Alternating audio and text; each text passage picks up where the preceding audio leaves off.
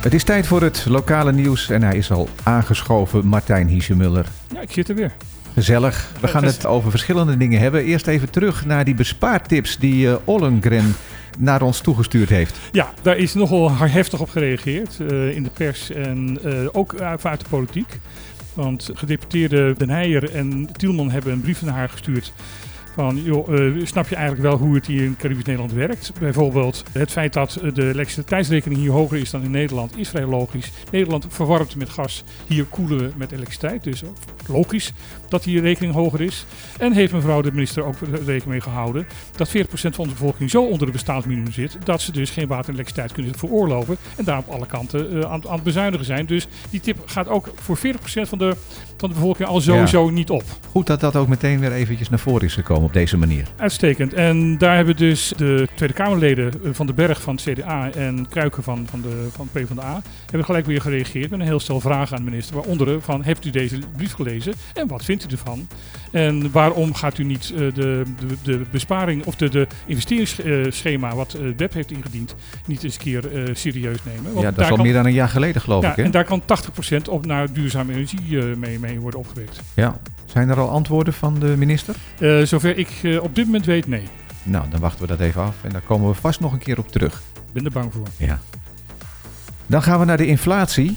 Uh, Wietse Koopman zei het al afgelopen zaterdag in het programma Op de Klippen. Hij verwacht dat de toegezegde 10% loonsverhoging grotendeels verdwijnt door de hoge inflatie, hoge inflatie, die hij voorzag. Hij noemde toen 5%. Nou, inmiddels zijn de cijfers van het CBS uh, binnengekomen. Voor het, vierde, voor het derde kwartaal en die zijn nu al 4,3 uh, procent. En dat wordt het komende jaar niet lager. Dus hij zit al op die 5% bijna. Ja. En het gaat alleen maar nog erger worden. Want uh, de elektriciteitsprijzen zijn uh, dit kwartaal 20%. Dat was in het vorige kwartaal was dat 19% duurder. En de prijs van de brandstof die uh, stegen met 5,7%. En dat gaat ook nog verder omhoog. Ja, en de diesel zelfs met 11% zag De diesel zelfs met 11%. En de zelfzorg, de gingen ook 6,7% omhoog, even ertussendoor. Overigens, die elektra-rekening heb ik net zelf ontvangen. En ik merkte inderdaad dat het uh, fors hoger is geworden. Ja, omdat ook de prijs die de Keurooil moet rekenen... in verband met het aantal uh, aanslagen die er ook uh, door de Curaçaose regering erop gedaan worden... gaat dat ook niet zo dalen. Ik zag dat de inflatiecijfers voor Sint-Eustatius en Saba iets lager Ja, die zijn wat liggen. gunstiger. Uh, die, uh, daar, daar, hebben ze kennelijk minder last van, van, de, van, de, van de hele toestand. En dat ligt beduidend lager. Ja, in Sint-Eustatius lees ik 2,4%. De cijfers van Saba heb ik niet bij de hand, maar ook Saba is 3,2%. Ja, inderdaad. Dan gaan we naar de kinderombudsman. Die is hier kort geleden geweest. En ja, die heeft daar verslag van gedaan. Die heeft er slag van gedaan en haar bevindingen zijn niet heel erg positief. Uh, ze kijkt vooral uh, naar de armoede en de armoede onder ouders, alleenstaande ouders uh, met kinderen.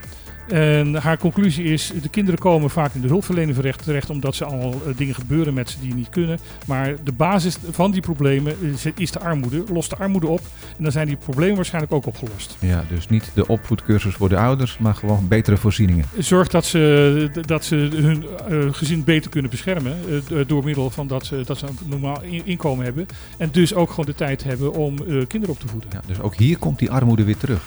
Armoede is een bron van, van, van alle mogelijke ellende. En als we die armoede op dit eiland niet oplossen, ben ik bang, en dat is mijn persoonlijke mening, dat we de, op, de problemen op dit eiland nooit gaan oplossen. Ja. De Eilandsraad van Bonaire bestaat 70 jaar. Hoera, hoera. Dat moet gevierd worden. Dat moet gevierd worden, ja. In eerste instantie wilden ze daar een ton voor uittrekken. Het, uh, het College voor Financieel Toezicht heeft dat in feite wel goedgekeurd. Maar had wel een paar bedenkingen over de hoogte ervan. Uiteindelijk heeft de eilandraad nu besloten dat het 50.000 uh, wordt. Zure is wel dat ze dat doen van een uh, potje van uh, 1,2 miljoen. Die binnengekomen is in verband met het kadaster wat van Bonaire overgegaan is naar Nederland. En ja. dat zou oorspronkelijk gebruikt gaan worden volledig voor infrastructurele werkzaamheden. Dus de wegen verbeteren. Maar daar gaat dus nu al 50.000 van af. En er gaat nog eens een keer extra geld van af voor uh, inhuren van advies. Dus in plaats van gaten vullen, feest vieren. Ja. We gaan naar de COVID. En allereerst werd gisteravond bekend dat er vandaag een persconferentie op de agenda staat. Ja, en die uh, is ook al aangekondigd dat het over COVID gaat. Het lijkt mij niet zo verbazingwekkend gezien de, de, de situatie zoals het nu is. Vandaag de cijfers, weer 12 mensen erbij op 51 testen. Dat is dus bijna een kwart ja. de, uh, positief. Uh, er zijn uh, wel uh, heel veel mensen genezen verklaard, waardoor de, de, het saldo op dit moment op 107 staat. Er liggen zeven mensen in het ziekenhuis, waarvan het gerucht gaat dat er één naar het Curaçao gebracht is. Alleen daar is één bron, nu.cw, die ik heb kunnen vinden, die dat zegt. En ik heb dat verder niet bevestigd kunnen krijgen. Maar misschien dat we dat vanmiddag tijdens Zou dat kunnen betekenen dat de IC-plaatsen dan allemaal bezet zijn? Nou ja, dat ze in ieder geval IC-plaatsen terug willen, uh, vrij willen houden. Ook om, in verband, ja, als jij een hartaanval krijgt, ja, ben, ben je blij dat, er, zorg. dat ja. er een IC-plek vrij is. Ja, dat zal waarschijnlijk inderdaad de oorzaak zijn. En waarschijnlijk dan ook vanmiddag daar meer over. En anders zou jij de vraag zelf kunnen stellen. Dan kan ik de, zelf vraag, de vraag zelf gaan stellen. Ja, want jij zit daarbij vanmiddag. Ja. Tot slot, het weer. Vandaag is het regelmatig bewolkt en begin van de middag is er een redelijke kans op een bui. Nou ja, goed, als er een uh, voorspelling is dat er een redelijke kans op bui is, dan valt die meestal niet. De temperatuur is vanmiddag 31 graden, gevoelstemperatuur is maar 34 graden. Dat is een heel stuk lager dan, uh, dan vorige week. Voor morgen is weerbeeld bijna gelijk aan vandaag. Alleen wordt er dan verwacht dat er geen buig gaat vallen. Dus dan zal die wel vallen. Zal die waarschijnlijk dan wel gaan vallen.